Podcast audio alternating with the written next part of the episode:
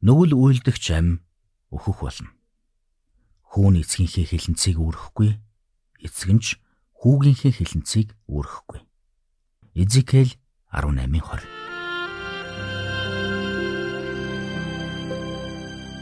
Мэргэний сонсог, мэдлэгийн тэлэг. Ухаалх нь мэрэгэн өдөр төмжийг мөн авах. Доктор Харалт цаалогийн мэрэгэн зөвлөмж нэвтрүүлэг.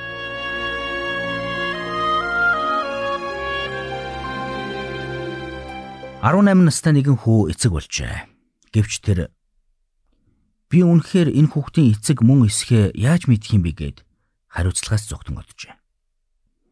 Нэгэн чинэлэг эмэгтэй өөрийнхөө хүүтэй жацуу нэгэн залуутай хайр сэтгэлийн холбоо үүсгэн гэрэлжээ. Гэвч цаад залуу нь түүнд хайртай биш. Харин хөрөнгөнд нь болж гэрлэж байгаа гэдгийг тэр эмэгтэй бас түүний найз нөхөд бүгд сайн мэдж байсан юм.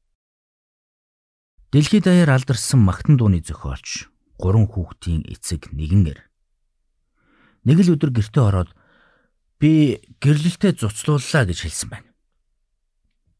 Энэ мэд хариуцлагагүй шийдвэрүүдийн талаар бид сонсоод өөрийн эрэхгүй гайхан дуу алддаг.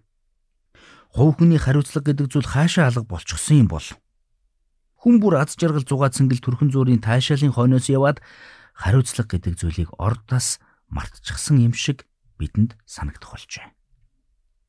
Уинстон Черчилль хэлэхдээ үүрэг хариуцлага бол агуу байдлын төлөө төлөх төлөөс юм гэсэн байдаг.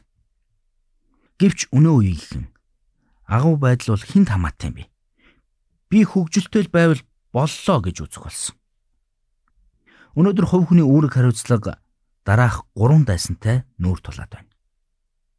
Энэ бол хувь хүнийг дээдлэх үзэл, бүхнийг харьцангуй хэмээн үзэх үзэл, бас бурхангүй үзэл юм.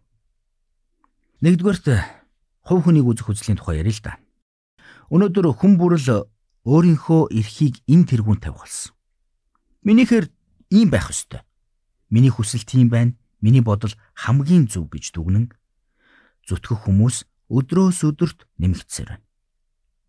Фрэнк Синатрагийн My Way дууны үг өнөөдөр маш олон хүний итгэл үнэмшлийг төлөөлөх болжээ. Би бүхнийг өөрийнхөөрөө хийсэн гэж цээжэд илдэх хүмүүс олон байна. Гэвч өөрийнхөөрөө хийсэн тэр үйлдэл чинь бусад хүмүүсийн амьдралд хэрхэн сөргөөр нөлөөлж болохыг та бодож үзсэн үү? Хүн бүр дор бүрнэ. Бүгдийг өөрийнхөөрөө хийж эхэлвэл өнөөгийн нийгэм ямар эмх замбраагүй болохыг та төсөөлж байна уу? Хэрвээ нисэх онгоцны ахмад нислэгийнхээ дундуур гинт чиглэлээ өөрчилж аяг дагшим уухаар өөр тийшээ нисэд явчихдаг бол яах вэ? Эсвэл мис засалж мис заслихаа дундуур залхуун хүрээд мис заслаад совилогчтой орхиод гольф тоглохоор явдаг бол яах вэ? Үнэн дээр таны хийж байгаа бүхэн бусдад тэр тусмаа таны гэр бүлд сайн муу ямар нэгэн байдлаар нөлөөлж байгаа гэдгийг санаарай.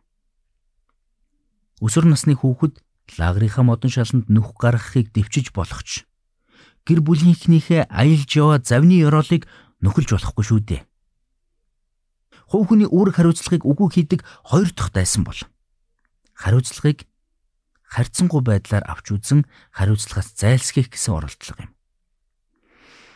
Хүмүүс өнөөдөр энэ асуудалд би буруугүй. Миний удамшил, миний амьдрч буй нийгэм соёл намайг ийм болгосон гэж хариуцлагаас болтох болсон. Нэг удаа би машинтайгаа гэртээ харж яваад гэрлэн дохион дээр хүчтэй мөргөлдсөн хоёр машинтай таарсан. Осолд орсон жолооч нарт тусалцаа хэрэгтэй байгааг анзаарсан би. Тэр даруйдаа зогсож эхний машин руу гүн очтол уг машины жолооч эмэгтэй салхины шилээ мөргөж толгооноос нь цус гарсан байлаа. Тинхүү намайг яаран очиж түүнд туслахыг оролдох үед тэр эмэгтэй чангаар "Би аригчин хүн. Тиймээс би энэ осолд ямар ч буруугүй хэмээн хашгирсан юм." Тэр эмэгтэй согтуугаар жолоо барьсан хариуцлагагүй үйлдэлээс болж өөр хоёр хүний амнаас эрсдэлд орсон юм. Гуравдугаарт бурхангүй үзэл. Энэ үзэл хүмүүсийг хариуцлагагүй амьдрал руу хөтлөж байна. Цаг нэрхэд бурхны өмнө тайлангаа тавих болно гэсэн итгэл үнэмшил биднийг эрүүл саруул ухаантай байж үүрэг хариуцлага ухамсарлахад хүргэдэг. Энэ нь биднийг гаргаж байгаа шийдвэр хийж байгаа сонголтондоо илүү анхааралтай байхад тусалдаг. Харин бид Бурхныг болон түүний үгийн эрх мэдлийг амьдралаасаа дүлхэн гаргах юм бол та өөрийнхөө үйлдэлийн төлөө хэний ч өмнө хариуцлага хүлээхгүй гэсэн бодолд автах болно. Эцсийн дүндээ таны хийж байгаа сонголтууд таны үүрэг хариуцлагын хэмжигдэхүүн болно гэдгийг та санаарай. Мөн хожмын өдөр тэр бүх сонголтуудынхаа тайланг тавих болно гэдгийг ч бас битгий мартаарай.